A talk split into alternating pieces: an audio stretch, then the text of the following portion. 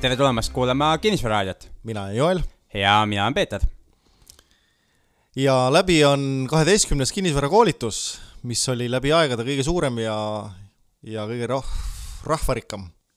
Äh, just nimelt ja, ja kui te vaatate meie eelmist saadet, siis, siis see oli peale üheteistkümnendat kinnisvarakoolitust, nii et et oli kuus kuud vahet ja saingi Joeliga uuesti kokku siin stuudios. jah, et meil on niisugune regulaarne kokkusaamine, et peale iga kinnisvarakoolitust aga kahjuks see vist jääb nagu viimaseks, sest äh, kaheteistkümnes kinnisvara koolitus sellisel kujul oli, oli viimane mm. -hmm. no järgmine on kolmteist, eks ole ja kolmteist äh, on niisugune huvitav number, et äh, me siin naljaga pooleks ütleme, et kolmeteistkümnes kinnisvara koolitus tuleb siis, kui, kui veri on tänavatel ja, ja turg on täiega augus.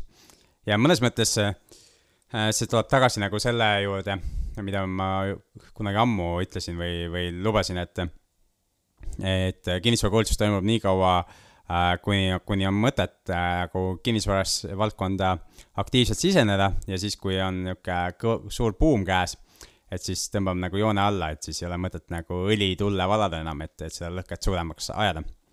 aga teise poole pealt äh,, miks see viimaseks koolituseks äh, jäi, on ka see, et, et äh, see on minu jaoks päris palju ennast, ennast juba ammendanud ja, ja ta on kogu aeg kasvanud ja sest reaalsus on see, et vähemalt mina nende kahe poole päeva jooksul vist ei saanudki ühegi uue inimesega tuttavaks.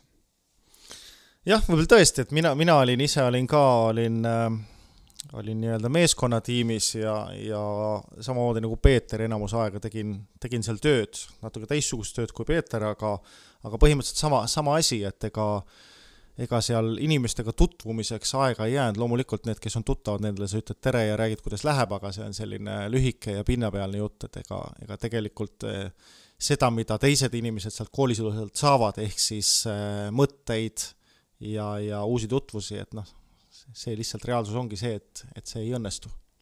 Just ja miks minul ja Joelil see ei õnnestu, on see, et mina olin siis lava peal ja Joel oli helipuldis. Ehk me tegime tööd ja kuna see koolitus on nii suureks kasvanud, siis see töö hulk on nagu ka kasvanud äh, kordades suuremaks meie jaoks.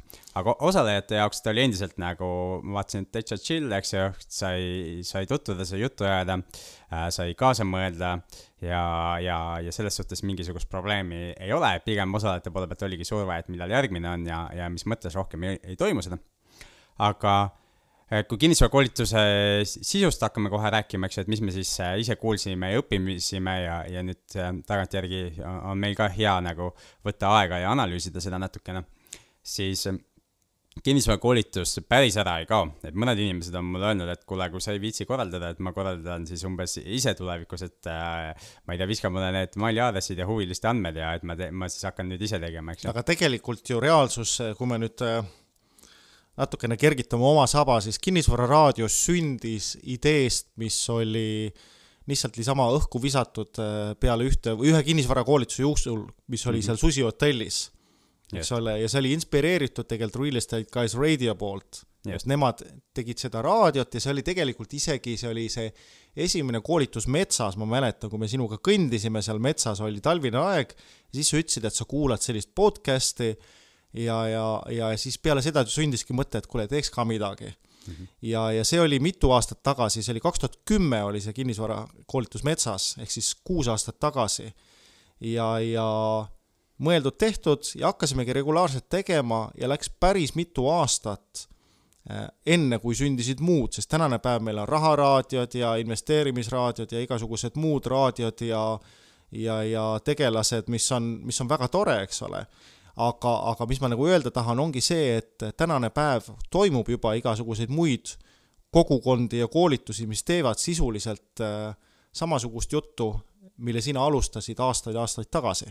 no meie alustasime jah. ja seda küll jah äh,, aga kui keegi tahab ise kinnisvarakoolitust korraldada, siis äh, good luck et äh, ajage, ajage siis iseendale need äh, huvilised ja andmed kokku ja, ja siin, eks on ju teisi kinnisvarakoolitusi äh, tekkinud ka, et on vanad konverentsid ja, ja siis Jaak Roosaare nime all siin korraldatakse ka koolitusi, kus ma olen külalisesineja olnud ja hea meelega tulevikuski olen. aga min-, mis puudutab nagu mind ja, ja, ja minu edasisi tegemisi, siis äh, ma soovin luua niisugust keskkonda, kus, kus ma saan ka ise rohkem inimestega suhelda ja, ja me saame koos asju arutada ja nii edasi ja selle jaoks on niisugune kinnisvara kogukonna nimeline äh, koolitus äh, käima läinud ja, ja esimesed üle saja inimese on sellega juba liitunud. ja kui sind see huvitab, siis äh, ütleme, esimene samm oleks see, et siinsamas podcast'i juures saab tellida endale tasuta videod ehk kolm tükki, mis ma kinnisvara teemal tegis, tegin. Et kinnisvararaadiosid kodulehelt telli need, alusta sealt ja, ja küll ma mingi hetk saadan sulle selle info, kuidas selle kinnisvara kogukonnaga liituda, kui me oleme valmis sinna rohkem inimesi juurde võtma. aga esialgu see sada pluss on juba, juba päris, päris äh, kõva algus sellele lisaks on ju sul iganädalased video podcast'id või kuidas see termin on, mida sa igakuised olid need. igakuised olid. videokõned on need jah ja. ja., seesama kinnisvara kogukonna raames, et, et selles suhtes see tegevus nagu seisma ei jää, see vorm lihtsalt äh, muutub. no pigem vastupidi, sellepärast kui me mõtleme, et kinnisvarakoolitus on keskmiselt on iga kuue kuu tagant oli jah? jah, oli iga kuue kuu tagant, mis tähendab seda, et vahepeal siis sa pead iseendale nii-öelda tegevust ja motivatsiooni otsima. aga siin kogukonnas tegelikult on ju palju tihedamini, pluss siis seal on igasugused muud tehnilised platvormid nagu Slack ja nii edasi, nii edasi, kus sa võid reaalselt suhelda teiste inimestega reaalajas. sa ei pea ootama seda järgmist koolitust, vaid sa saad suhelda ja see suhtlus on tegelikult palju personaalsem võrreldes selle kahe-kolmepäevase koolitusega. jah, pluss ühised väljasõidud on plaanis, esimene on kohe siin Tartusse minek ja ja Tartu kinnisvarainvestoritega kohtumine, et see, see saab kindlasti huvitav olema siin paar, paari nädala pärast ja ja igasugu muid huvitavaid kohti on veel, kuhu minna. et üks koht, kuhu ma ise tegelikult päris huvi kaotan, tahaks minna ja kuhu on kutsutud ka, on Viljandis on üks köögitehas et, et peaks olema Baltikumi suurim köögitehas, mis köögimööblit toodab, et sinna tahaks kunagi minna ja nii edasi.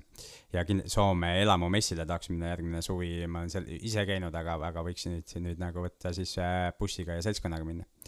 aga me oleme päris pikalt nagu selle asja juurde kinni jäänud, et äh, keda huvitab see, see uurib, uurib ise ja, ja alustab nendest tasuta videode vaatamisest. Aga räägiks, äh, vaataks üle nagu, mis me sellest kinnisvarakoolitusest siis õppisime nende kahe, kahe poole päeva jooksul ja mis meile nagu kõige rohkem meelde jäi.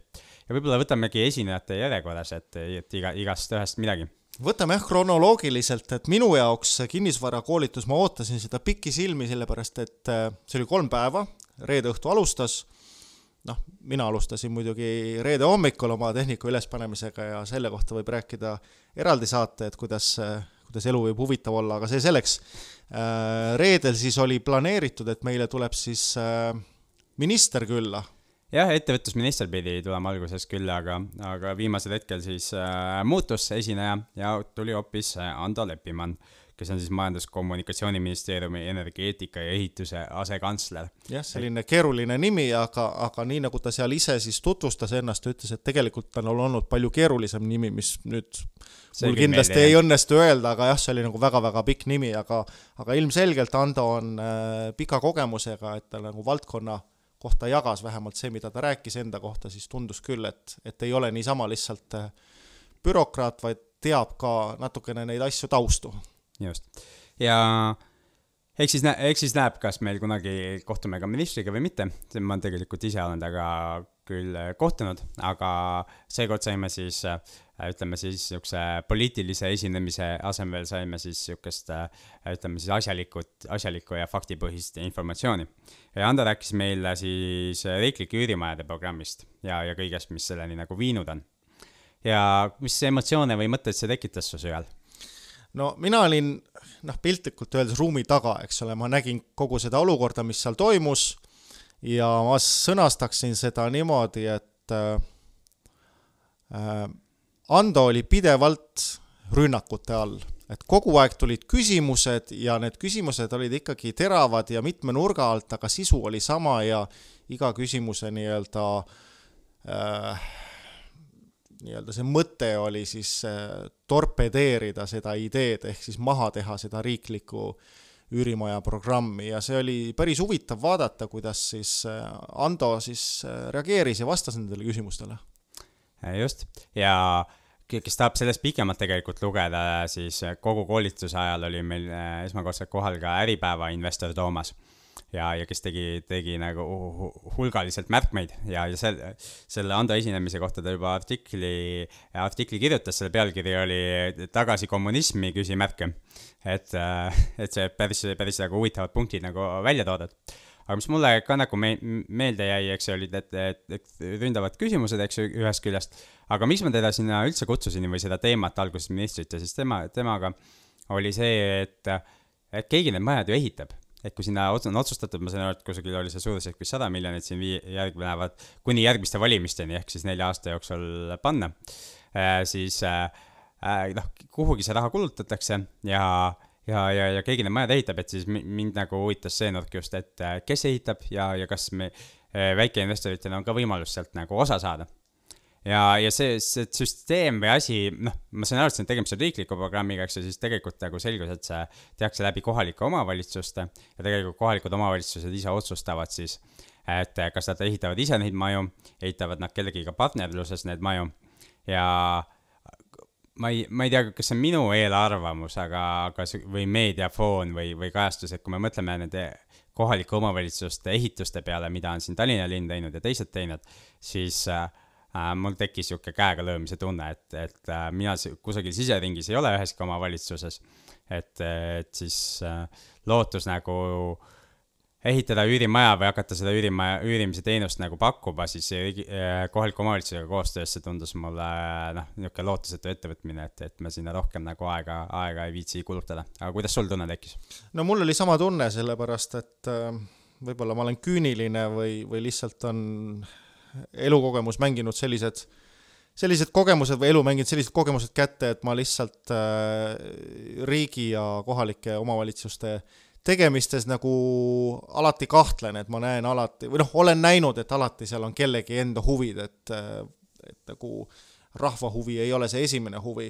aga see, mida mina nagu mõtlesin, ma isegi küsisin seal äh, esineja käest oli see, et, et kuidas, kuidas need nii-öelda ehitajad valitakse, kuidas need investorid valitakse, sest ma üritasin ikkagi aru saada äh, kogu selle negatiivse nii-öelda rünnaku sees, üritasin aru saada, et kuidas oleks võimalik ise sellest mingisugust kasu saada. sellepärast, kui riik käib raha välja, siis äh, küsimus selle asemel, et äh, kritiseerida seda, küsimus võiks ikkagi olla, et okei okay,, et äh, what's in it for me, et mis kasu mina sellest saan ja, ja, ja, ja siis riigi, riigi selline nagu väide oli see, et kui on elamistingimused korras, et küll need töökohad ka siis tulevad. aga, aga noh, ma analüüsin seda ja, ja pigem on ikkagi, ma näen teistpidi, et ma analüüsiksin, kui mul oleks kuskil hea töökoht, ütleme kusagil väikses kohas, mis iganes see on, ma ei tea, Põlva või, või, või Antsla või Elva et eh, kui mul oleks elupinda vaja, ma usun, et küll ma siis eraisikuna sellega leiaks mingisuguse odava pinna, ostaks ja teeks selle korda, et et kas siis nagu tööle minek sellepärast jääb tegemata ja ma, ma pigem kaldun arvama, et et ma ei, ma ei näe nagu mingisugust põhjust, et miks see, miks see programm toimiks või mis kasu see toob, välja arvatud siis nendele, kes need eh, ehitavad. sest need, kes ehitavad, nendel on ühekordne kasu, nad ehitavad ära, nad saavad oma raha selle eest ja on asi tehtud. ja siis see objekt jääb kelle, kellegi hallata ma saan, no seal teine kasusaaja võib ka olla tegelikult, et kui me räägime kasusaajast, et keegi saab need üürile võtta ja ma saan aru, et see tingimus on see, et, et tuleb alla turuhinna nagu anda üürile. ehk, ehk siis keegi saab alla turuhinna need korterid ja kui tal endal ei ole vaja, siis ta saab need edasi üürida ju turuhinnaga mm. -hmm. ehk et kellelgi tekib sealt nagu niisugune rent-to-rent ärimudeli võimalus ehk võimalus siis igakuine lisasissetulek saada ja, ja kuidas, kuidas kohalik omavalitsus nagu seda välja valib, eks ju, seda me ju ka ei tea ja, ja see kipub ka alati niisugune, niisugune äh, veits kummaline olema, kui tagantjärgi keegi neid uurib. ehk siin selles kogu programmis on hästi palju niisuguseid korruptiivseid võimalusi jäetud. ja ma saan aru, et eelkõige on selle programmi siis ikkagi huvi ja eesmärk sotsiaaldemokraatidel tähelepanu saada ja hääli saada järgmistel valimistel. et sellepärast ongi vist see noh, keegi välja ei öelnud seda, eks ju, aga saalist juba tuli, et kui projekti pikkus ja valimiste aeg ja nii edasi, et ühesõnaga, esineja ei öelnud midagi selle kohta, aga saalist juba pandi üks pluss üks kokku ja öeldi, et kuule, kuule, et miks see programm nagu täpselt kuni valimisteni kestab. ja, ja noh, eks esineja seda ei kommenteerinud kuidagi, aga, aga noh, see selge, et see on, on valimistega seotud. jah, ja kui me vaatame ta tausta, siis tegelikult see ei ole ju minister Oviiri idee, vaid see tuli juba eelmise ministri ajal ehk siis Urve Palo ja mõlemad neist on tänane päev ja sellel hetkel, kui need asjad on välja hõigatud, on olnud sotsiaaldemokraadid. just okei okay,, aga mis, mõtleme, kuidas, kuidas see nagu kokku võtta, et ma saan aru, et, et riigil on mingi raha, see jagatakse siis toetusprogrammide kaudu välja. üks asi, mis, mis, mille, mis mulle kõlama ikkagi jäi või minu meelest on hästi oluline, on see, et see programmil oli nagu ta põhiosa, eks ju, anda Äh, rääkis sellest, äh, et äh, kui väikestesse kohtadesse maja tuleb, et siis kuni viiskümmend protsenti on, noh, on see idee anda toetust. ja, ja siis natuke suuremates asulates kuni nelikümmend protsenti. aga mis mulle tema materjalidest veel silma jäi, oli see, et Tallinna ja Tartu puhul on plaanis anda kümme protsenti toetust. lisaks kõik, igal pool käib tasuta maa sellega kaasas et äh, ma ütlen sulle ausalt, Joel, ja, ja, ja kuulajad ka, ma ei imestaks, kui lõpuks neid maju ehitataksegi ainult Tallinnasse ja Tartusse. sellepärast, et siin saada tasuta maja kümme protsenti toetust, ilma selleta töötaks ka see äriplaan, aga sellega töötab veel paremini. aga nendes väikeasulates, kus see nelikümmend, viiskümmend protsenti on, seal, seal nagu ilma ei tööta ja nendega ka ei hakka veel tööle aga ega meie ju tegelikult ei tea, mis tegelikult toimuma hakkab. plaan on plaan Just. ja, ja see, mis on reaalsus, see võib olla hoopis teine ja ja minu nii-öelda see nightmare stsenaarium siin on see, et äh, kui see tõesti tuleb Tallinnasse, kus mina isiklikult toimin äh, ja, ja, ja tegelen oma investeeringutega, siis äh, reaalselt see võib väikeinvestorid lüüa turult minema nojah, õnneks teiselt poolt see sada miljonit on jälle väike summa, eks ju, ja nelja aasta peale on ta veel väiksem summa. jah, aga et... see, aga see oli ju, kuidas see, see oli mingisugune pilootprojekt või? Jah, selle asja nimi on pilootprojekt, eks ju, pärast seda tuleb tegelik projekt, mis võib olla miljard, kaks miljardit, äh, kui vahepeal peaks, eks ju, meil vasakpoolsemaks valitsus minema, siis ei ole riigile laenu võtmine ka mingi probleem. et siis on kohe hea seda, seda programmi nagu laiendada. aga see on juba, me läheme niisuguse e, tuleviku ennustamise no see on spekuleerimine, jah. spekuleerimise teemale. aga vaatame veel, meil oli tegelikult päris palju muid teemasid, et see esimene niisugune hea emotsionaalne teema, see tõmbas nagu päeva, päeva korralikult käima ja järgmine teema, mis kohe järgi tuli, oli see, et kuidas näevad pangad kinnisvaraturul toimuvat. ja suur tänu jälle Eraviigile Swedbankist ja Arko Kortmanile LHV-st, et nad äh, niisuguse energilise tuuana äh, meie meie ette ja meiega vestlema jälle tulid.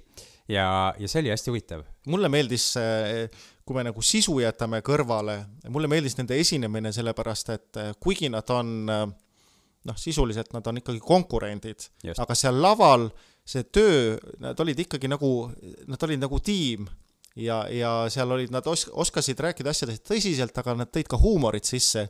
seal oli päris mitu korda, ma ei mäleta, kumb ütles, üks ütles midagi näiteks laenutingimuste kohta ja teine siis nii-öelda rääkis kaasa ja ütles, et noh, umbes nagu lapsed ütlevad, et pluss üks või mul on suurem või, või, või mis iganes, et see, see oli selline äh, naljakas, naljakas vaadata, kuidas, kuidas nagu pangad noh, läbi huumori nagu konkureerisid laval. jah, et see ja see oli nagu hästi-hästi asjalik oli ja me saime nagu äh, hästi üllatav oli see, et, et, et pangad on teinud erinevaid otsuseid, eks ju, ja Swedbanki poolelt ju tuli tegelikult see, et neil oli, on hiljaaegu otsustanud, et kuni aasta lõpuni, mis asja nad ei rahastanud enam? äri kinnisvara, ma sain aru ühesõnaga niisugust jah, et kui sa oled väike investor, eks ole, ja lähed firmana ja palud laenu, et tahad osta üürikorterit, siis see portfelli osa on täis, sain mina aru niimoodi. just, et, et see ei olnud siis mitte ärikinnisvara, vaid oligi, et see üüripinda, et tahan väikeinvestorina osta oma esimest üüripinda, eks ju, ja, ja tahan saada äh, saada niisugust maksimaalset laenu, eks ju, siis, siis aasta lõpuni on nagu otsustatud äh, anda kohe eitav vastus välja mm. -hmm. et see oli nagu päris huvitav ja, ja tegelikult palju, mingites muudest asjadest me saime ka äh, ju selgeks, et järjest rohkem on see, et, et mitte laenu küsijast ei ole, ei tule see eitav vastus, vaid pangasiseselt, et kas üks portfelli osa on täis või teine portfelli osa on täis. ja, ja, ja, ja selle tõttu saad eitava vastuse, mis tähendab seda, et tuleb minna, eks ju, teise panka ja, ja teisel pangal ju veel ei olnud täis asjad. ja, ja, ja Eestis on üksteist panka, kes annavad kinnisvara tagatisel laenu, nii et, et panku, kelle juurde minna on. aga hästi huvitav oli nagu ka linnade kaupa, vaata rääkisime, eks ju, Tallinnast, Tartust ja Pärnust. et äh, täitsa huvitav oli see, et okei okay,, Tallinnas on niisugune väga palju toimub, eks ju. ja, ja Pärnus ma saan aru, et on mingisugune, et äh, no uus... Pärnus on pigem, pigem see negatiivne aura, ta ütles Tartu on ka, eks ole, kõik on hästi ja ilus yeah., aga Pärnu nad tõid näite selle eelmise kriisi, et kui kui Pärnus oli või kui oli eelmine kriis, siis neid Pär-, Pärnu asju isegi kolm aastat hiljem, need olid veel käes just, et keegi nagu ei tahtnud neid, eks ju. ja, ja, ja praegu pidi, uuselamu arenduses pidi Pärnus olema niisugune üleküllastus, et seal pidi üle, ülepakkumist ikka olema, ikka väga palju olema. ma kusjuures sattusin nüüd paar päeva tagasi lugema artiklit, et oli just, et, et alustati Pärnu suurima kortermaja ehitamist, pandi nurgakivi, et tuleb, tuleb uus mingi, mingi kortermaja, aga see oli tegelikult kuuskümmend korterit vist ainult, aga ikka, ikkagi, et Pärnu mõttes nagu kõige suurem arendus. et seal tõesti on nagu uusi kortereid tuleb väga palju juurde et eh, samas Tartu kohta, eks ju, nad olid väga optimistlikud, et sinna, sinna nagu nõudlust on ja, ja, ja pigem, pigem võiks pakkumist veel juurde tulla, eks ju. Tallinna koha pealt ma sain aru, et on nii nõudlus kui, kui pakkumist praegu, et siin, siin pigem nähti nagu, et see noh, niimoodi tasakaalus, eks ju, et et kui uusarendusi nagu juurde väga tuleks, siis läheks tasakaal paigast ära või kui ostmine väheneks, siis läheks nagu tasakaal paigast ära jah, ja siin ongi tegelikult siis äh, iga kuulaja peab tegema ise oma uuringut ja statistikat vaatama, et äh,, et mis meil toimub äh, nii hindade suhtes, ehituste suhtes kui ka siis äh, äh, sündivuse suhtes, et me siin vaatasime Peetriga äh, ühe esineja slaide, kes siis lõppude lõpuks ei tulnud esinema ja siis just see oli koolituse esimesed kaks päeva kohal, aga ta kahjuks palavikuga palavikuga ei saanudki kolmandal päeval kohal olla, et, et siis, kui tema niisugune esinemisaeg oli planeeritud jah, ja aga see, mis ma tahtsin, hakkasin ütlema, oli see, et eh, tema nagu ennustus oli see, et kuni kaks tuhat kolmkümmend aastani rahvastiku arv Tallinnas kasvab ja kui Tallinnas, eks ole, kasvab ta oli võtnud see... selle Statistikaametisse, see olnud tema ennustus ja,. jah, jah, no see jah, tema slaididesse oli see.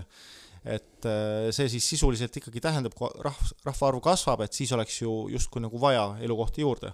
ja, ja Tallinnas nagu tegelikult ju öeldakse, et praegu kusagil on kümme, kümme inimest äh, noh, pluss-miinus tuleb iga päev Tallinnasse juurde, ehk et siin, siin on pidev, pidev niisugune nõudluse kasv. ja seda nagu, ma ei tea, ma olen tunnetanud ka nagu, et, et kuigi mul on toad ju kõik välja üüritud ja täis, siis äh, ikka helistatakse, ikka, mitte võib-olla iga nädal ei helistata, aga üle nädala ikka keegi helistab ja küsib, et kuule, et kas äkki oleks kuidagi võimalik kuhugi kuh, midagi üürida.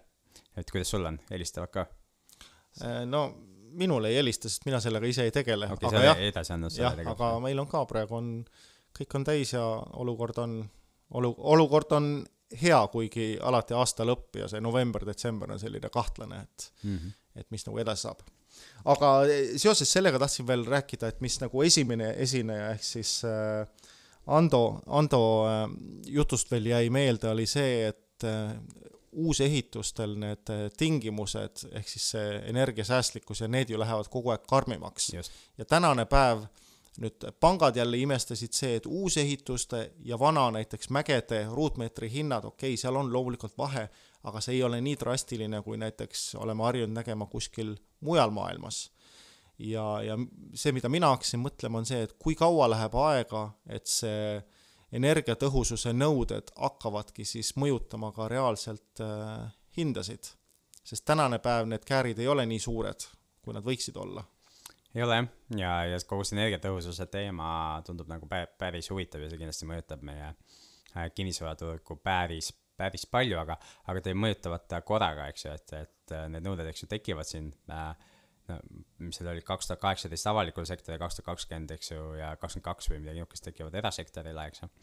ehk see tähendab seda, et, et siis hakatakse, noh, maja, maja haaval hakkavad need hooned, hooned nagu tekkima, eks ju, mis nendele uutele nõuetele vastavad ja idee poolest peaks siis ju küttekulud oluliselt, kütte- ja jahutuskulud oluliselt vähenema.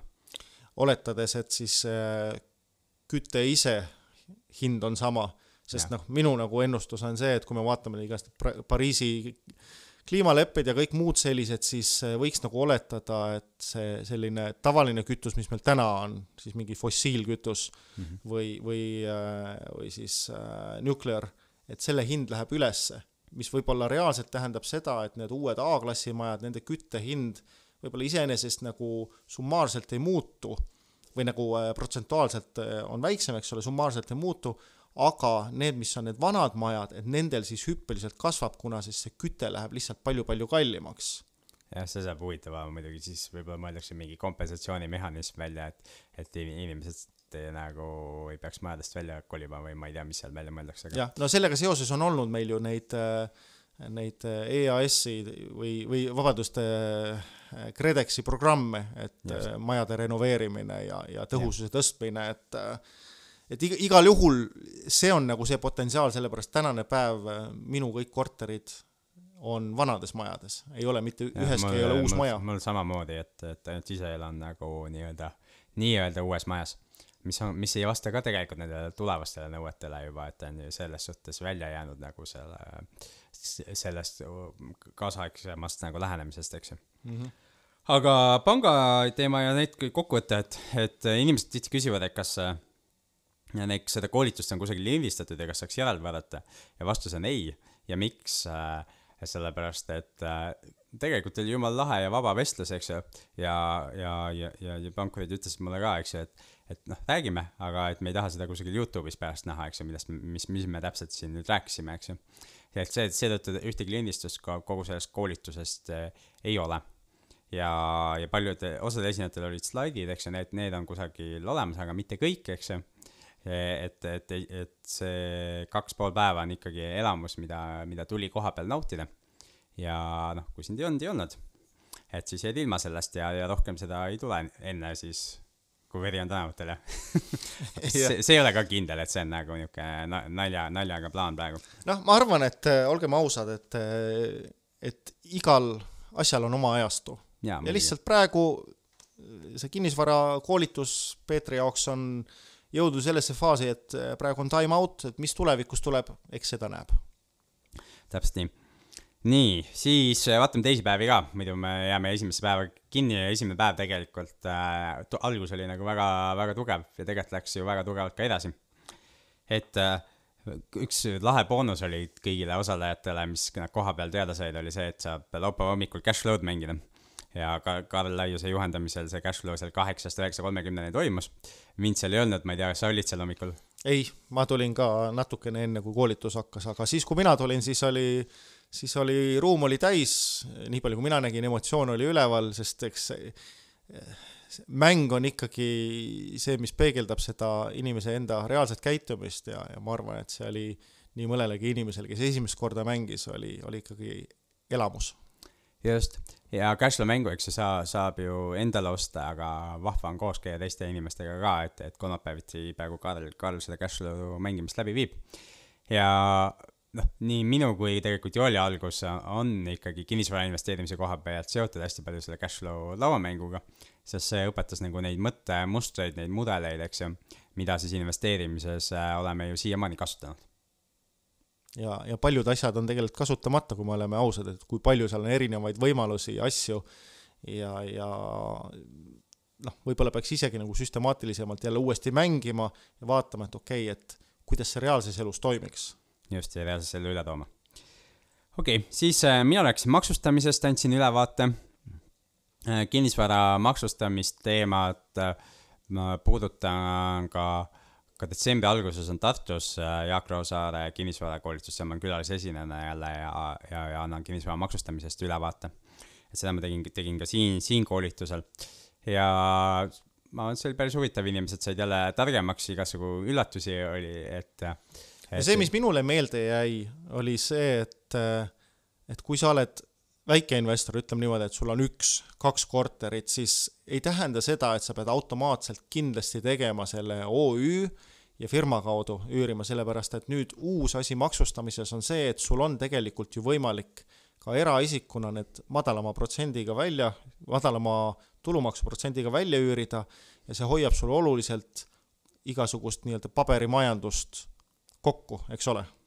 just, ja, ja lihtsalt Joeli nii palju parandades, et see ei ole äh,, tulumaksuprotsent on endiselt sama, ehk kakskümmend protsenti üürilt tuleb ära maksta, aga sa saad äh, kakskümmend protsenti makstud üürilt taga äh, või makstud äh, summast tagasi. ehk et siis see efektiivne määr on kuusteist mm, -hmm, aga okay. esialgu tuleb kakskümmend ära maksta, siis tuludeklaratsioonis on lihtsalt mahaarvamise rida ja, ja, ja lõpptulemus on nagu oleks kuusteist maksnud. ehk et inimesed äh, püüavad praegu, et kust ma saan seda, seda otse, et kuusteist maksta, eks ju, aga otse ei saagi kuuteist maksta, et, et see, seda ei tasu nagu, nagu segamini se,, segamini ajada aga siis järgmine teema võib-olla võtame edasi siit. tulen veel tagasi maksutamise juurde. Ähm, sul on ju veebikeskkonnas ka tegelikult maksukoolituse webinar või kuidas sa kutsud seda, sem-? on olemas jah, siseringi maksukoolitused, kus me hästi põhjalikult räägime maksustamisest, kinnisvara maksustamisest on ka juttu olnud, et see, see on ka täi-, täiesti olemas jällegi, kui sulle pakub see huvi, siis äh, küsi, et äh, enamus need internetikoolitused äh, ei ole nii-öelda avalikult kättesaadavad ja, ja avalikult liitutavad ja just äh, selle, sellel põhjusel, et ma tihti ootan, et inimesed vaataksid enne need tasuta videod ära, saaksid nagu mingi tausta endale ja, ja siis liiguksid alles edasi.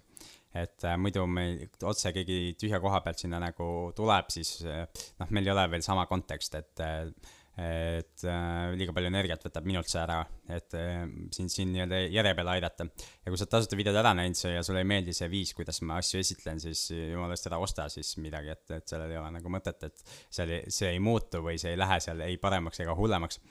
et äh, see on sarnases, sarnases stiilis on need äh, koolitused maksustamise kohta soovid sa veel Joel midagi kokku võtta? lihtsalt öelda? Äh, oli huvitav, ma kuulasin, äh, ma kuulan Rich Dad podcast'i, mis tuleb mm -hmm. keskmiselt korra nädalas, mis on siis Robert Kiyosaki ja Kim Kiyosaki selline Just. saade ja, ja viimane, mida ma kuulasin, oli, tal olid külas nende head sõbrad Tom Wheelwright, kes on siis Robert Kiyosaki maksunõustaja ja siis mm -hmm. oli Ken McEnroy, kes on siis kinnisvaraekspert ja Tom põhimõtteliselt hästi lihtsalt seletas ära, et äh, mis see maksustamine on. maksustamise seadus on see, et äh, kõik on maksustatud, välja arvatud ja siis ülejäänud kogu see seadus on see, et kuidas sa saad makse maksta vähem või neid elimineerida. ja, ja selles mõttes, vaata, paljud inimesed mõtlevad, et see seadus on keeruline, aga tegelikult see seadus ongi just selle jaoks, et aitab sind, et kuidas vähem maksta just nii, ja Eestis on see, see seadus üsna nagu lühikene, aga meil on ka neid võimalusi, kuidas vähem maksta.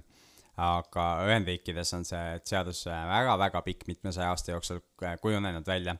ja, ja seal on samamoodi, eks ju, on see lause, et kõik on maksustatud ja siis maksumäärad ja siis välja arvatud ja siis ülejäänud seal mitu tuhat lehekülge on igasugu muud regulatsiooni, kuidas sa, kuidas sa saad siis teha neid asju, mingeid asju ja, ja selle siis makse vähem maksta okei okay,, aga järgmine huvitav äh, paneel või mis me tegime, oli see, et äh, kutsusime ruumis siis lühiajalise majutusega te tegutsejad lavale.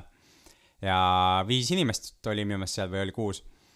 ma isegi täpselt ei mäleta nüüd, palju neid oli ke-, ke-, kellel oli siis äh, rohkem kui üks pind, kaks ja rohkem pinda, mida nad lühiajaliselt välja üürivad. ja siis kuulsime nagu nende mõtteid. ja mis mulle sealt meelde jäi, oli see, et et hästi mõnusalt tekkis niisugune vastasseis kohe, eks, et kes olid nagu hästi vaimustuses sellest ja kõik nagu laabus lühiajalise majutusega ja, ja siis äh, tegelikult oli vist Aavo jah, kes ütles, et äh, tegin see suvi, rohkem ei tee, et, äh, et lõpetage ära, et see on ikka täiskohaga töö ja et, et mul ei ole vaja niisugust asja. jah, sisuliselt ta ütles, et see energia, mis ta sinna paneb ja see nii-öelda tulu, mis ta saab, et need ei ole balansis, et aega on lihtsalt väärt rohkem kui see, see tulu, mis sealt tuleb ja ma arvan, et paljud, paljud inimesed peavad nagu selleni jõudma, sest mina mingi hetk tegin neid arvutusi, eks ju, siin kevadel ja jõudsin täpselt sama asjani ja ma ei üldse ei alustanudki seda, seda tegevust. aga paljud inimesed nagu teevad selle läbi ja noh, see sõltub nüüd, et sa pead ise vaatama, palju sinu aeg väärt on, et kui su aeg on tasuta saada, sul ei ole midagi elust mõistlikumat teha, siis noh, why not, eks ju, ja sealt tekib see efekt sulle. aga eks see nii minul kui Joelil kui siis Saavole ja kellel iganes veel on alternatiivseid tegevusi, ehk see, kui me tegeleme lühiajalise majutusega, inimeste vastuvõtmisega, koristamisega, mingite muude asjadega, okei okay,, kuigi ma saan aru, et Taaval oli ka koristaja ikkagi eraldi olemas, et siis siis kõik need tegevused tulevad millegi muu arvelt ja see muu tegelikult äh, on, kas toob kas rohkem sisse või see muu on, äh, võimaldab siis ennast taastada ehk puhata jah, see, mida mina olen mõelnud selle lühiajalise majutuse suhtes, on see, et et ma olen üritanud aru saada, et mis tingimustel ma sellesse läheks, üks on kindlasti see, et seal peab olema see mastaabiefekt, et et neid objekte peaks olema ikkagi suurem hulk ja need peaks olema kõik samal aadressil, et see, kui mul on üks, on näiteks Majaka tänaval ja teine on äh, Koplis ja kolmas on Lasnamäel ja neljas on võib-olla Pääskülas, siis lihtsalt see logistiliselt ei tasu ära ja teine, see peaks olema võimalikult automatiseeritud, näiteks see, et sa ei pea minema äh, ust avama inimesele, et ta saab ise tulla ja kõik muud sellised asjad, koristused, kõik peaks olema automatiseeritud, et sisuliselt sa ikkagi lood süsteemi ja kui sina pead ise seal tegema neid asju ja sina oled see süsteem, noh, ma arvan, et see ongi see järeldus, mida Aavo, Aavo tegi, et see lihtsalt ei tasu ära. jah, ehk, ehk siis tegelikult, Joel, mida sa räägid mulle, on see, et, et see äh, lühiajaline majutus pakuks sulle huvi, kui sa saaksid hotelli pidada. või ütleme siis äh, vähemalt hotelli mastaapides äh, asja teha ja ma arv-, ma arvan, et see, see oleks see, kui ma selle peale nagu tõsiselt mõtleksin, aga täna, täna mul seda, seda maja, kus on ütleme kakskümmend, kolmkümmend lühiajatus, lühiajalise majutuse objekti või korterit, tuba, mis iganes, kuna seda mul ei ole, siis minu jaoks see on nii-öelda no-go. okei okay,, sama siin. Aga ei, huvitav oli kuulda nagu nendest kogemustest, mis inimestel nagu oli, et seal oli ka ju positiivseid kogemusi, eks, ja kellele väga meeldis kogu see suhtlus ja, ja, ja kõik muu. Ja, ja kindlasti on see üks viis, et kui sul muud ettevõtlust ei ole, siis ja, ja, ja sa tahad ettevõtjaks saada, siis see on üks ettevõtluse vorme. ja, ja, ja kindlasti viib selle tootluse ülesse, ainult et sa peadki arvestama seda, et see tootlus ei tule siis enam mitte ainult sellest korterist ja, ja, ja heast finantseeringust, vaid siis sinu ajast eh, samamoodi aga järgmine teema, millest me peale lõunat rääkisime laupäevasel ehk siis kahekümne üheksandal oktoobril oli, oli Helena Kuslap rääkis enda kinnisvarasse investeerimisega alustamisest. mis sulle sellest meelde jäi, Joel? ma arvan, et kõige rohkem mulle jäi sellest meelde ähm, see, kuidas Helen oli väga positiivne selle suhtes ja see, kuidas äh, ta oli teinud ikkagi paljud otsused emotsiooniga, mitte puhtalt ja külmalt kalkuleerides läbi Exceli. Jaa, ja hästi vahva, tegelikult meil oli ju nii-öelda blonde tütarlapsi oli veel lava peal.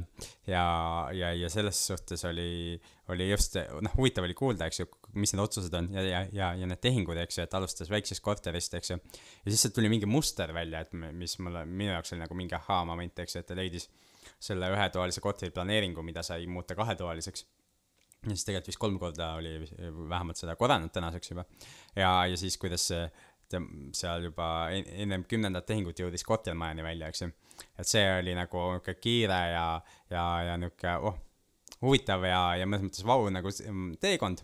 ja, ja ma kuulsin nagu ruumist ja mulle öeldi ka tag tagasisidena veel, et laudades niisugused tõsisemalt, tõsisemad mehed ütlesid, et, et mida kuradit, eks ju, et miks mina ei saa siis nagu nüüd Kosti Kottenmaja ära tehtud, kui eh, blond tütarlaps laval, eks ju, juba sai selle emotsiooniga tehtud, et, et see kindlasti pani nagu mõtlema, et, et ja, ja võib-olla paneb ka mõne inimese tegutsema rohkem.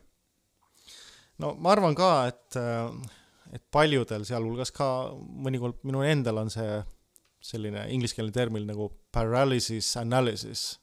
ehk siis sa tardud paigale, kuna sa teed nii palju analüüse ja see, mis sa sealt analüüsist näed, igasugused riskid ja muud, siis äh, peatab su ja sa ei, sa ei tegutse enam edasi, kuna sa lihtsalt äh, näed nii palju riske. jah, ja, ja Excel nagu ju võib ju võimendada ja igal pool paned väikse varu ka sisse ja siis ei tulegi enam mitte midagi kokku, eks ju. aga noh, samas Excel ikkagi näitab ta vahest ka ette ära, et tõesti ei ole nagu mitte mingit mõtet nagu selle, selle objekti või asjaga tegelema hakata. aga Helena oli kindlasti inspireeriv ja, ja, ja väga-väga lahe ja, ja, ja mul on hästi hea meel, et ta oli nõus ja valmis ja julges lavale tulla ja tõesti sellele kolmesaja kahekümne viie inimese ees rääkida enda, enda tegemistest. nii et, et väga vahva nüüd äh, pea, pärast teda oli meil juttu kinnisvarainvestori õudusunenäost. õudusunenägu oli päris õudne. ma arvan, et äh, minu jaoks oli see nagu kogu selle kinnisvarakoolituse pärl. et kui kõik muu oleks jäänud olemata, siis ma oleks endiselt öelnud, et äh, et kogu see üritus oli super, sellepärast et see, mida Kaia seal rääkis ja see, mida ta näitas äh, ja need, kes Kaiat tunnevad, äh, noh, mina iseloomustaks Kaiat kui sellist äh, hästi rahulikku ja, ja alati kõike läbimõtlev ja, ja pigem selline niisugune hästi nagu professionaalne, eks ole, ta on maakler taustalt. ja see, kuidas ta oma selle äh, nii-öelda emotsioonideta esitlusega su-, suudis, suutis lü-, luua selle emotsiooni, no see oli minu arust äh, kui me jätame sisu kõrvale, siis see, kuidas ta tegi seda, see oli nagu ma nagu vaatasin seal ruumi taga, et vau et see on nagu tõesti nagu hästi esitletud, sellepärast et kui nüüd see kontekst, eks selle sinna ja content tuli juurde see, mida inimesed nägi seal, seal oli ikkagi pidevalt, kui tuli uus pilt, siis Kaia ei saanud ühtegi sõna öelda, kui juba ruum sumises ja ja inimesed noh, piltlikult öeldes olid šokeerinud, šokeeritud sellest, mida nad nägid seal jah, ja, ja see esitlus oli, oli tõesti selline, et meil ei ole ühtegi esitlus või üht, mingit materjale kuhugi sellest ei tule. siis üht ja, ja midagi, arvatavasti me rohkem ei räägi ka sellest äh, nagu ütleme põhjalikult ja detailides, sellepärast et et äh, seal on nii palju kohtuprotsessi taga ja kellelgi ei ole uut protsessi enam vaja. ja see, ütleksin nii palju, et need inimesed, kes sellest jäid ilma, nad jäid väga paljust ilma, sellepärast et äh, seal oli veel äh, Cherry on the cake oli video yeah.. ja see video oli noh, priceless. just, et see, see video, kuidas äh, politsei siis püüdis siseneda korterisse ja. ja mis seal siis ees ootas jah, jah, et see oli nagu, nagu väga-väga huvitav. aga mis, mi-, paljud inimesed arvasid, et see õudusunenägu tuleb nagu puuhküürnikust, et siin tegemist ei olnud puuhküürnikuga, et äh, äh, nagu kui me, noh, nii palju, kui, kui selle kohta võib öelda ja saab öelda, oli see, et, et Kaia Kullat siis Uusmaa maakler, eks ju, inimesed pöörduvad äh, tema poole, nagu ma arvan, teistegi maaklerite poole, et otsi mulle hea tehing äh,, midagi, mis oleks turuhinnast allpool ja, ja see oli üks nendest tehingutest, et äh, oli turuhinnast allpool, müüdi ühte korterit ja ma sain aru, et see ei olnud väga palju turuhinnast allpool, aga, aga võib-olla paarkümmend protsenti äh,. Pakuti ühte, ühte korterit ja siis noh, seal olid oma agad, eks ju, ja, ja müüja oli, oli omamoodi, eks ju, ja nii edasi, aga kõik see tehing toimus notaris, eks ju. seal oli ju veel niimoodi, et äh, müüja oli võtnud kinnisvarabürooga ühendust, et müüge mu korter mm. -hmm ja, ja nagu kinnisvarabüroo ikkagi, eks ole, omad protsessid, aga seal oli siis niimoodi, et mis oli nagu minu jaoks see esimene selline alarmbell oli see, et äh, müüja ei andnud pilte ja kui ma õieti aru sain, siis ei olnud võimalik ka kinnisvarabürool selle objektiga tutvuda. no ta ei soovinud seda tutvumist, eks ju, et ta ütles, et müün nelja seina, eks ju, et seal mm -hmm. ei ole nagu midagi väärtuslikku sees. mis iseenesest on täiesti normaalne, eks ole, kui sina ja, ja mina ostame äh, me oleme seda varemalt ka korduvalt öelnud, et mida rohkem peldiks see on, noh, seda rohkem see huvitab, sellepärast et sinna on võimalik lisada lisaväärtust ja ilmselt see oli ka sellepärast siis miks see investor nagu ei tundnud muret, oligi see, et noh, okei okay,, et müüakse peldikut, neli seina, et noh, mis seal siis on, eks ole just täpselt nii. aga see peldik oli ikka päris pe-, see oli rohkem kui peldik. noh, sõna aga... otseses mõttes aga see selleks, aga probleem, milles, milles see õudusunne nagu seisnes, oligi selles, et äh, inimene müüs see korteri ära. aga, ja kui tuli üleandmise päev, siis ta ei andnud seda üle. et ta keeldus sealt välja kolimast. ja mitte ainult seda, vaid ta äh, sai kohtult ka, ka tegelikult lähenemiskeelu sellele ostjale, et ostjale oli keelatud korterile läheneda ja, ja kõik see võttis kolm aastat aega, kuni tal siis lõpuks oli õigus sellele korterile läheneda. jah, mina. kui see lühidalt kokku võtta. jah, mina võtaks lühidalt kokku niimoodi, et ma olin šokeeritud ja ka võib-olla mingil määral nagu äh, imestasin, kui tark see müüja oli, kes ei tahtnud Just. välja kolida, selles mõttes, et see, mida ta tegi äh,, oli noh, mul võttis piltlikult öeldes karbi lahti, et kuidas inimene kõiki neid asju, kõik neid seadusi, kõik, kõiki teab, okei okay,, ta tegi seda pahatahtlikult, aga, aga see oli ikkagi väga, väga muljetavaldav. jah, et tegemist oli intelligentse kõrgharitud äh, inimesega.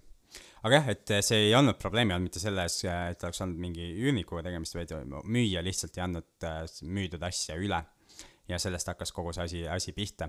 et vahest, vahest me eeldame seda, et me läheme, teeme notaris lepingu ja saame korteri kätte, eks ju, äh, kas siis samal päeval või kuu aja pärast, eks ju.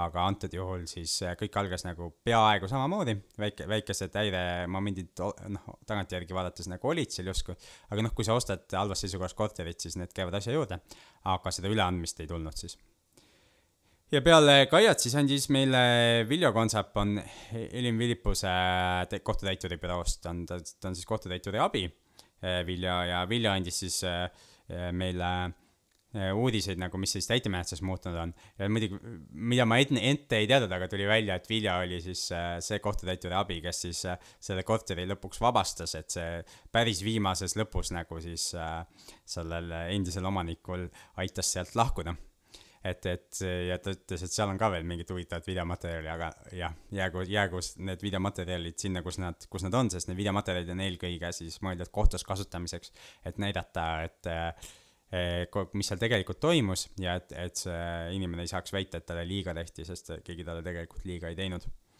ja aga huvitav oli Vilja jutust siis see, et kui äh, niuk-, niisugused juhtumid on, eks ju, ja kusagil, ma saan aru, et Vilja rääkis tegelikult üürilepingutest, et kui on, kui sa ostad mingi objekti ja, ja seal on üürnikud sees ja ostad seda täitemenetlusest, et siis seal kohtus nüüd see asi muutus, et varem pidi äh, uus ostja või uus omanik pidi minema kohtusse ja hakkama üürilepingut tühistama, kui see eelmine, kui see üürnik ei soovinud välja kolida sealt siis nüüd on nagu vastupidi, et antakse üürnikule tähtaeg ja ta peab kohtusse kaudu tõestama, et ta üürileping kehtib.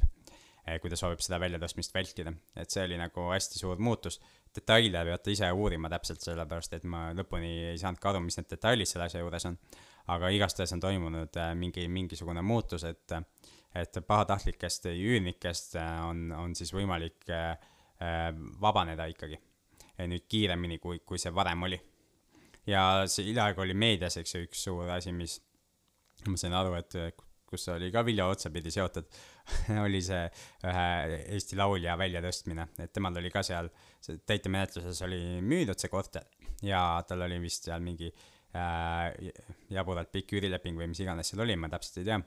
aga et siis, siis, siis kuna see praktika muutus, eks ju, Riigikohus tegi ühe otsuse, siis nüüd oli võimalik ta ikkagi sealt välja tõsta enne selle üürilepingu lõppemist. ja need üürilepingud, ma ei tea, mis konkreetsel juhul oli, aga, aga Vilja rääkis, et, et ta on hästi palju näinud niisuguseid äh, kümne-kahekümne aastaseid üürilepinguid, kus on veel sisse kirjutatud, et a la üür on ette makstud.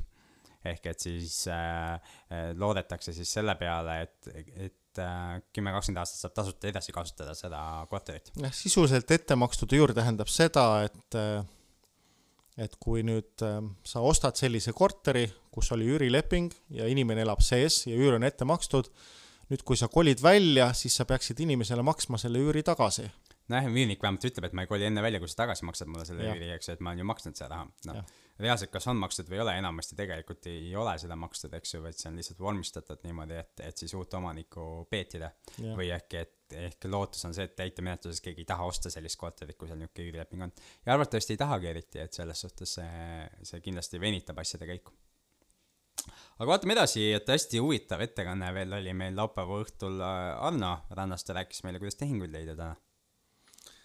jah, Arno on äh, päris äh, tõsiselt ennast koolitanud, ta ju aasta otsa käis Inglismaal seda asja õppimas ja nüüd praktiseerib Eestis ja see, mis minul jäi Arno jutust meelde, oli üks termin, selline asi nagu motivated seller ehk siis motiveeritud müüja.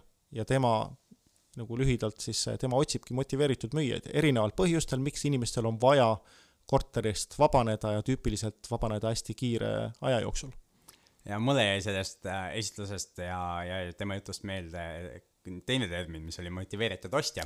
Äh, minu arust see termin tuli natukene hiljem, oli just see, et, et motiveeritud äh, kuidas see läks, see läks umbes niimoodi, et tuleb olla ettevaatlik, et sinust ei saa motiveeritud ostja. Ja Just motiveeritud jah, ostja tähendas seda, et armud ära korterisse ja nõus maksma ükskõik mis summa, et see kätte saada. jah, või teine on see, et, et sa oled investor, eks ole, ja sul on vaba raha ja nüüd see raha sügeleb nii palju ja sul on siis, tuleb sihuke emotsioon peale, et ma pean midagi leidma ja siis sa langetad oma standardid nii kaua, kuni sinust ongi saanud motiveeritud ostja. ehk et kui sul on näiteks eesmärk saada kümme pluss tootlust, eks ju, siis sa lähed ja lõpuks ostad midagi, ma ei tea, kuue-seitsmega või, või mingi muu niisuguse protsendiga ära, et noh, vähemalt midagigi saaks. jah ehk, aga jah, Anna rääkis ikkagi motiveeritud müüjate leidmisest ja, ja kuidas ta seda teeb ja see oli nagu äh,, see oli päris huvitav inimesed küsisid ka, et miks ta seda jagab siis, eks ju, et kui tal on noh, nii kaua aega kulutanud nagu nende teadmiste omandamisele. aga noh, tal oli nagu täitsa, täitsa loogiline põhjus, eks ju, oli see, et, et kuulge, teeme koostööd, eks ju, et kui teil satub midagi kätte, mida teil endal vaja ei ole, et siis andke, andke nagu teada, eks ju, ja, ja vaatame, et äkki on temal huvi või, või äkki, äkki on kellelgi teisel selle vastu huvi. et ja, ja kui kellelgi saan aru, et ongi, et aega ei ole, aga raha on, et siis umbes ka tulge, tulge rääkige temaga, et ta ikka aeg-ajalt leiab asju, mille jaoks veel raha on puudu. noh, sisuliselt, eks ole, võtab laenu ja maksab selle eest siis head intressi. just, aga siinkohal see ei ole, eks ju, soovitus kellelegi laenu anda, sest äh, ise peate oma kodutöö ära tegema. ja siis õhtut, laupäeva õhtul me tegime seda, mida me oleme alati kinnisvarakoolitusel teinud, see on see grupitöö. grupikas grupikas ehk siis inimesed äh, jagunesid gruppidesse, kolm-neli inimest ja, ja hakkasid koostama äriplaani ja see jagunemine toimus umbes üheksa ajal õhtul ja neil oli aega siis kuni üheteistkümneni õhtul seal ruumis olla ja hommikul kella kaheksast võisid tagasi tulla, et jätkata äriplaanide koostamist. ja päris kõva töö käis, ma ajude tagistamine oli üheteistkümneni välja, ma mäletan, ma pidin paluma, et olge nüüd head ja lahkuge. et, et ruum, ruum tuleks nagu vahepeal kinni panna, ennem kui, kui hommikul tagasi tulemine tuleb.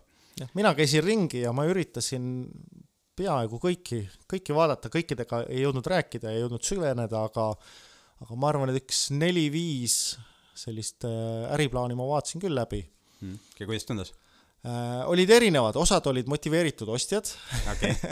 aga osad olid täiesti reaalsed plaanid, kuhu ütleme niimoodi, et kui natukene veel paar-kolm tundi paneks ise aega juurde, siis äh, võiks täiesti reaalselt äh, kaaluda nii-öelda investeerimist. okei okay., et mina väga ei jaksanud enam seal päeva lõpus käia ringi, ma istusin seal äh, meil oli, seekord oli ka messiala ees ja, ja seal olid erinevad ettevõtted oli, eks ju, oli ki-, äh, oli Tõnu Toompargi kinnisvarakooli raamatupood, siis meil olid Toomus kinnisvara seal väljas, Uusmaa oli väljas, kinnisvarabüroodest, pankadest oli Citadele väljas ja siis oli meie enda, enda müügiala ka, kus sai cashflow mängu ja raamatuid osta. ja ma istusin seal äh, Citadele pangaboksis, eks ju, ja sealt käidi küll laenu küsimas erinevate projektide jaoks pidevalt, et, et siis meil seal äh, olid laenutaotlused olemas oli võimalus kohe täita, aga noh, ma ei näinud, et keegi päris valmis oleks olnud laenu kohe, kohe taotlema, aga, aga nalja sai seal kõvasti, et et kuna noh, raske on ju tegelikult puusalt tulistada ja öelda, siis, siis äh, oli seal mõte, et tuleb täringud appi võtta või, või mingi loosiratas teha, kus saab endale intressi loosida et, et, et siis äriplaani, plaane teha. aga et te, tegelikult käis tõsine töö, et äh, mul oli, oli hea meel näha nagu, et, et äh, siis äh, vähemalt ka kaks, kaks pangatöötajat olid seal nagu tõesti üheteistkümneni väljas ja, ja, ja, ja selgitasid ja nõustasid inimesi nende äriplaanide osas, et mis siis on realistlikud ootused ja mis ei ole realistlikud ootused, et, et seal siis, seal sai nagu päris palju head, head nõu ja, ja nalja ka see, mis mul jäi veel äh, esimesest päevast meelde, ma ei mäleta, kumb pankur ütles, aga ta andis sellise rusikareegli, et kui sa oma äriplaani teed, siis arvesta sellega, et intress on viis protsenti. Jah, äri, äriprojektide puhul, eks ju. okei okay., ja vaatame viimast päeva ka üle, et, et äh, päris niisuguseks põhjalikuks oleme juba selle üle, ülevaatega läinud, aga, aga väga palju enam ei ole jäänud, nii et äh, head kuula-, kuulamise jätkamist et äh, esi-, alustasime siis hommikut äh, jälle kokkuvõttega, inimesed vaatasid üle, mis nad siis siiamaani õppinud on ja siis esitlesid neid äriplaane, said tagasisidet teistelt laudadelt, teistelt gruppidelt.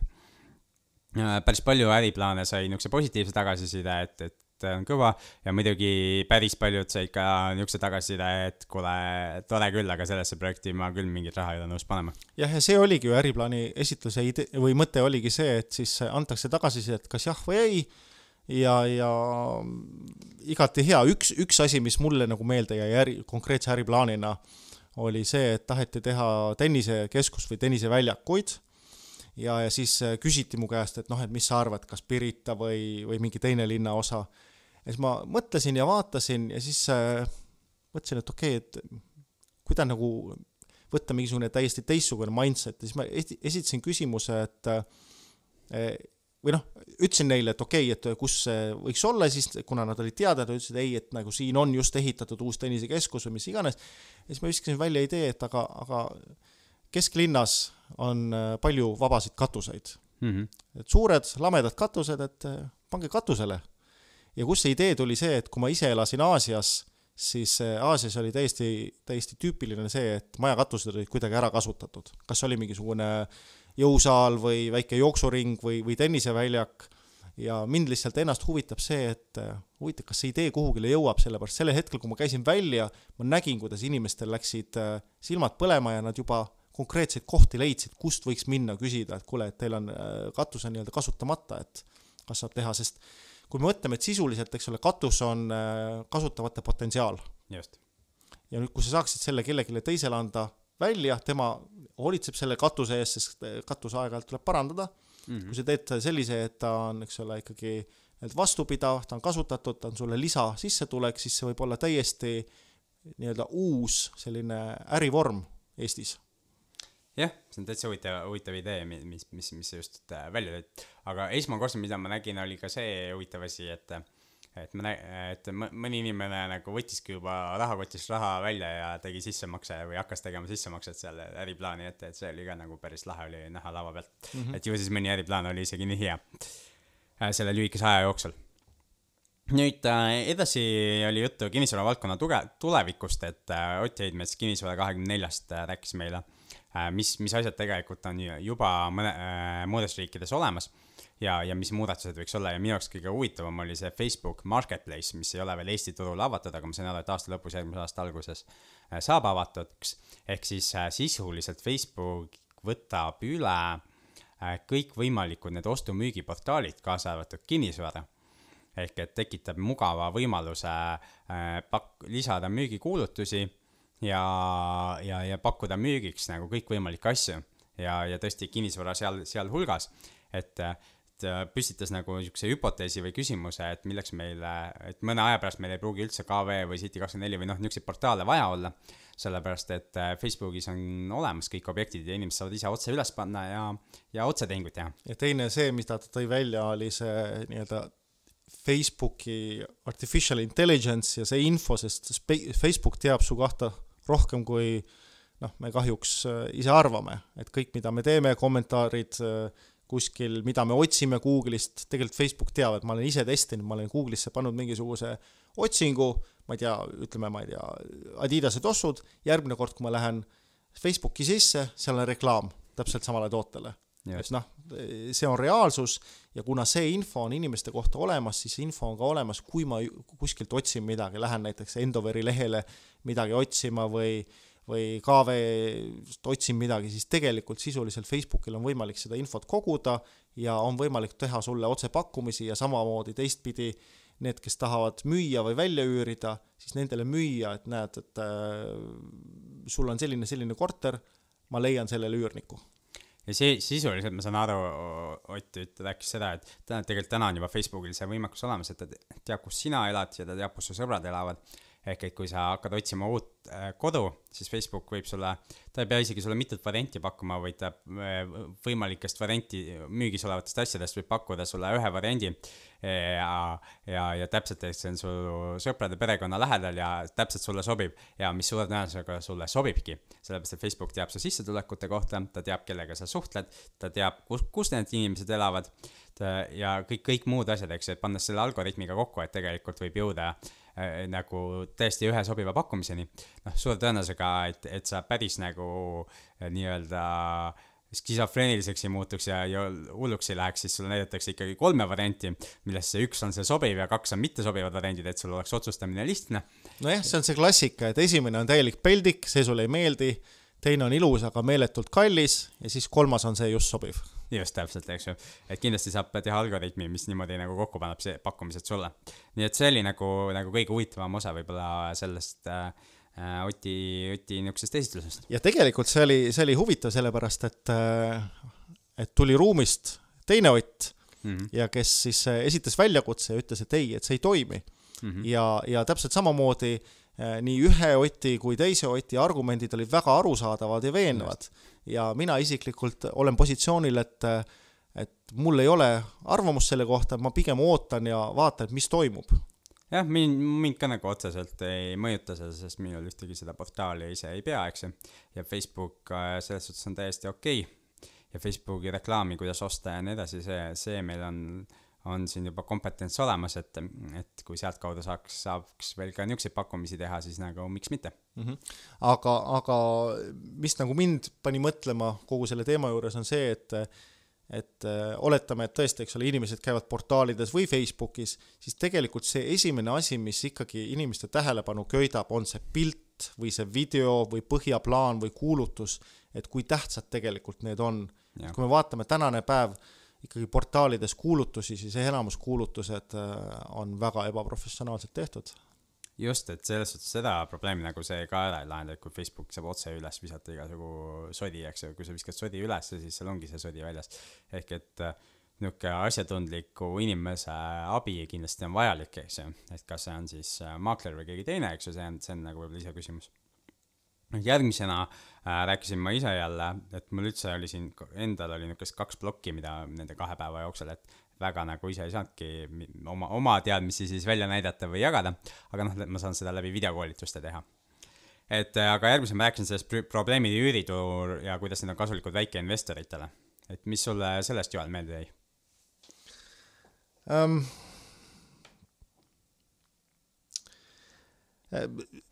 Kuidas ma selle kokku võtaksin, oli see, et seal olid väga nagu konkreetsed sellised äh, mõtted, mis, mis sa välja tõid. ja, ja, ja, ja ma arvan, et alustavale, alustavale investorile need olidki sellised asjad, mis, eks ole, nagu take and apply, ehk siis võta ja, võta ja rakenda. et ma arvan, et tegelikult äh, selliseid asju võiks olla rohkem, sellepärast et, äh, et äh, noh, ma võiksin väita, et pooled inimesed, kes seal olid koolitusel olid sellised, kellel ei ole ühtegi tehingut tehtud. ja see, et eh, teha need eh, õppetunnid läbi, võib olla neil palju kallim kui see, et võttagi see sinu plokk, kirjutada need asjad ülesse ja see ongi nende checklist, et kui ma neid asju teen, eks ole, siis eh, noh, asi õnnestub just, et ma käisin üle siin seadusandlikud probleemid ja ehituslikud probleemid ja võlaõiguse probleemid ja nii edasi. ja siis me tegelikult rääkisime ka, et mis nendega peale saab hakata ja kuidas me väikeinvestorina loominguliselt saame nendele asjadele läheneda. ja tegelikult ju lõppjäreldus oli see, et meil on, see on väga hea, et meil need probleemid on sest äh, see hoiab eemale niisugused suurinvestorid, kes ei saa või ei suuda loominguliselt äh, läheneda asjadele ja ja, ja siis tänu sellele tegelikult on üürihinnad üleval ja tootlused ka, sest kui me vaatame sisuliselt ikkagi, see on täiesti reaalne saada Tallinnas kümme protsenti tootlust, eks ole, aga mul tuttavad Soomes ütlevad, et nad on rahul, kui nad saavad viis või kuus mm. -hmm. ja mul ongi veel see tegemata, aga mul on plaanis, et ma saadan selle sinna asekantslerile ka selle esitluse, et mis, mis ma siin probleemid välja tõin, sest noh, ma ei tea, kas nad midagi peale hakkavad sellega või mitte, aga me oleme ju siin osade inimestega erinevatel nii Justiitsministeeriumis kui, kui Majandus- ja Kommunikatsiooniministeeriumi kohtumistel käinud ja, ja kogu aeg neid probleeme neile nagu välja toonud, sellepärast et ja öelnud, et see, et kui te tahate, et üürikortereid juurde tekiks, noh, nüüd me täna saame tegelikult aru, et see pigem on üks otsitud põhjus nagu selle riiklike üürimajade programmile. aga ütleme, et see on reaalne põhjus, et mida nad tegelikult tahavad, et tuleks üürikortereid juurde, et siis äh, palju mõistlikum ja odavam oleks riigile need probleemid ära lahendada. ja, ja siis äh, tegelikult tuleks siia päris palju suuri investoreid juurde, kes hakkaks kortermajade kaupa ehitama.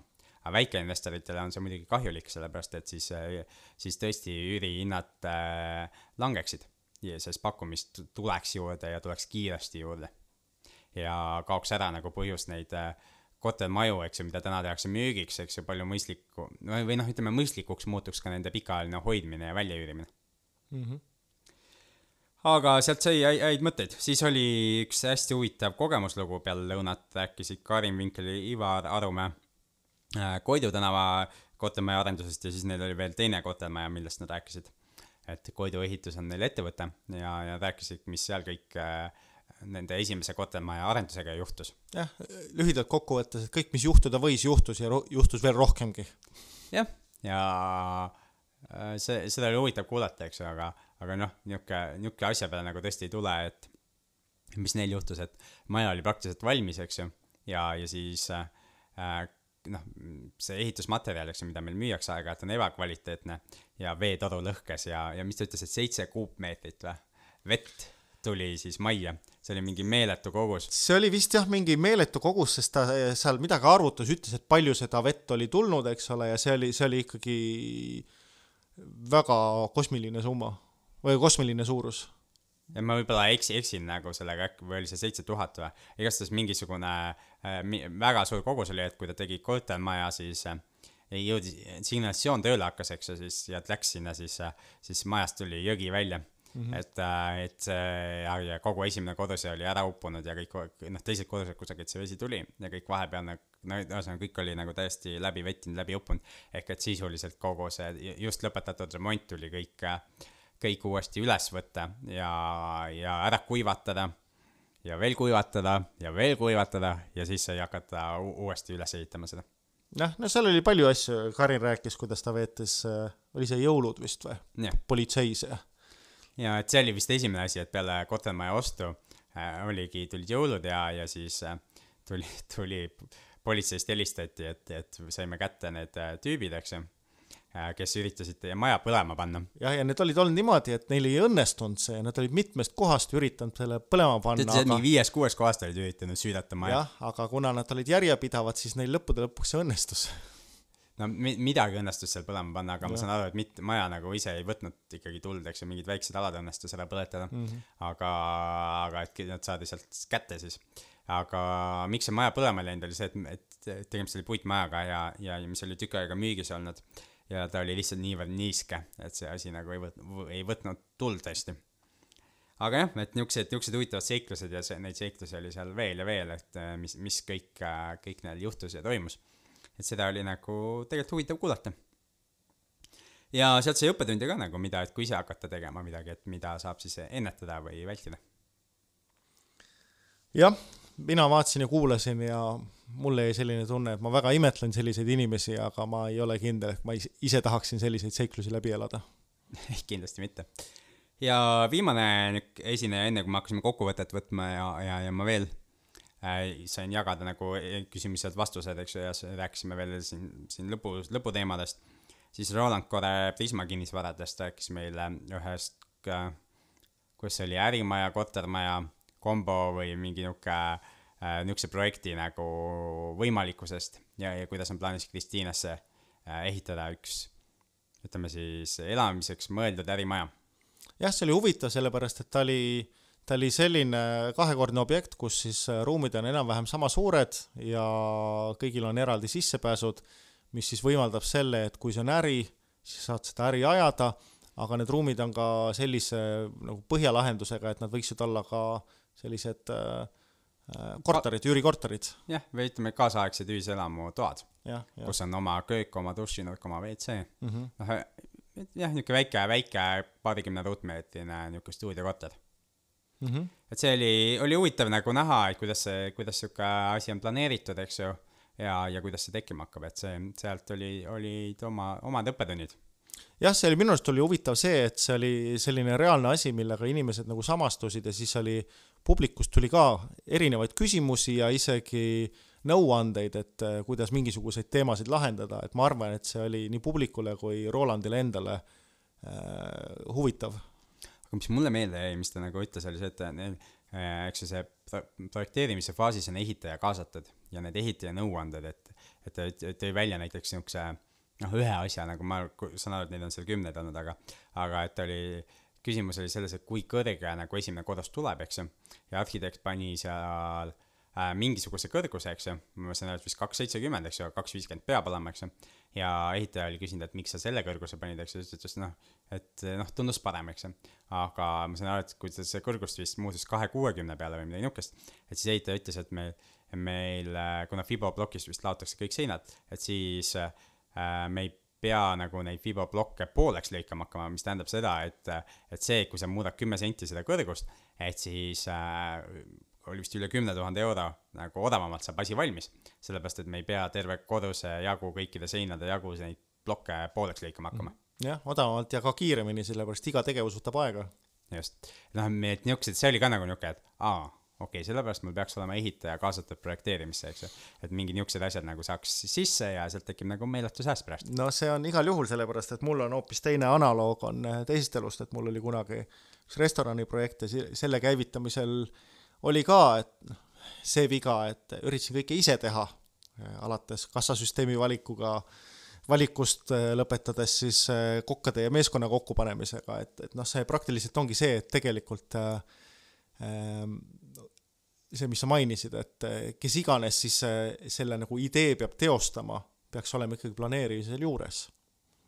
ja samamoodi, mida mina olen nagu pannud tähele, on nüüd viimasel ajal, et kui ma tahan investeeringuks korterit osta, siis on haldur on kaasas, sellepärast haldur ostab öelda ikkagi, palju selle eest saab üüri ja, ja kas on see objekt, mida, mida nagu, mille kohta nõudlust on ja nii edasi ja nii edasi.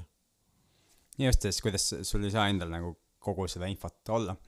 Ja tihti, eks ju, ongi investorina, eks ju, raha on olemas, tahaks midagi osta, siis on väga lihtne muutuda selleks äh, motiveeritud ostjaks. ja siis oligi jah, kokkuvõte, et kaks pool väsistavat päeva olid, olid selja taga juba ja saime veel viimased küsimused seal lahendada ja, ja inimesed said viimased vastused ja oligi aeg laiali minna. minu jaoks oli see, see oli nagu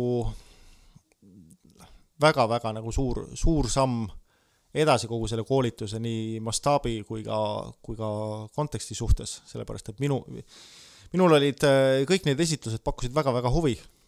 ja, ja ma arvan, et see oli ka tavalisele osalejale oli ikkagi suur samm edasi.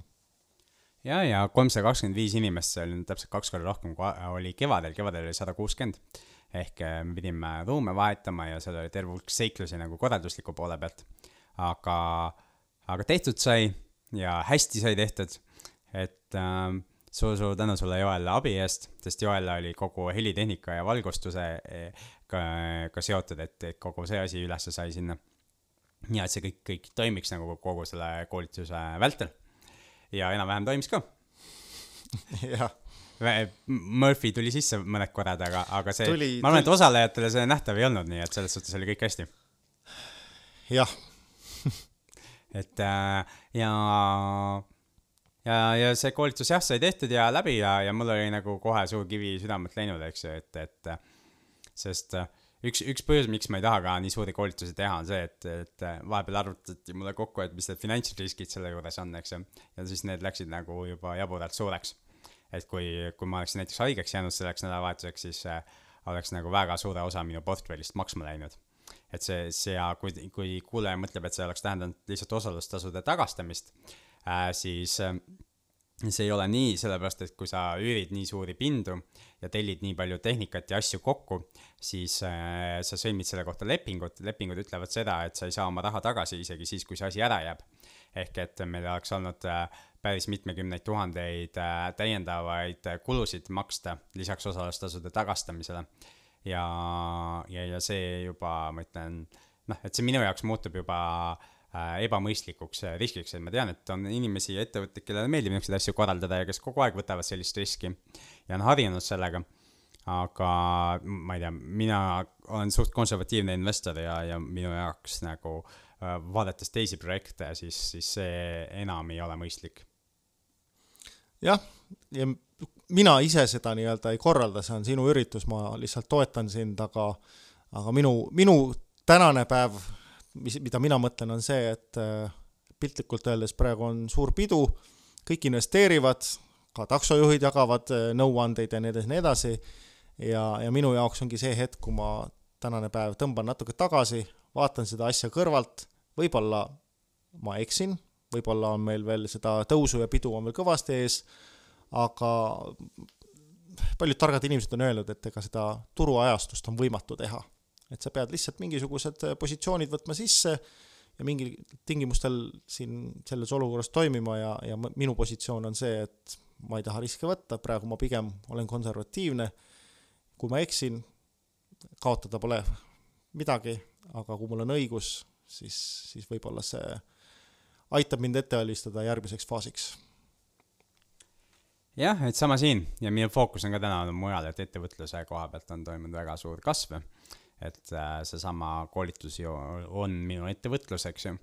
ja, ja fookus on äh, läinud sinna äh,, mis on nagu noh, irooniline, et ise ei jõua kinnisvarasse investeerida, aga õpetab teisi. kahjuks või õnneks sellel aastal on niimoodi kujunenud, aga kindlasti luban jälle paremaks investoriks saada ja, ja rohkem investeeringuid Äh, tegema hakata. Ja, ja, ja alati on võimalusi, nagu Adna meile ka koolitusel rääkis. ja lisaks äh, kinnisvarale saab ju ka mujale investeerida, nii et, et ma hoian nagu silmad lahti ja, ja õpin ja omandan teadmisi ka selleks, et, et äh, muid, muudes investeeringutes kaasa lüüa, aga ainult siis, kui need on madala riskiga ja minu jaoks madala riskiga, eks ju ja ikkagi tootlused on kahekohaliste numbritega protsentides, mitte, mitte ühekohalised. aga siinkohal võikski tänase saate kokku võtta. kas meil on järgmine saade ka juba plaanis?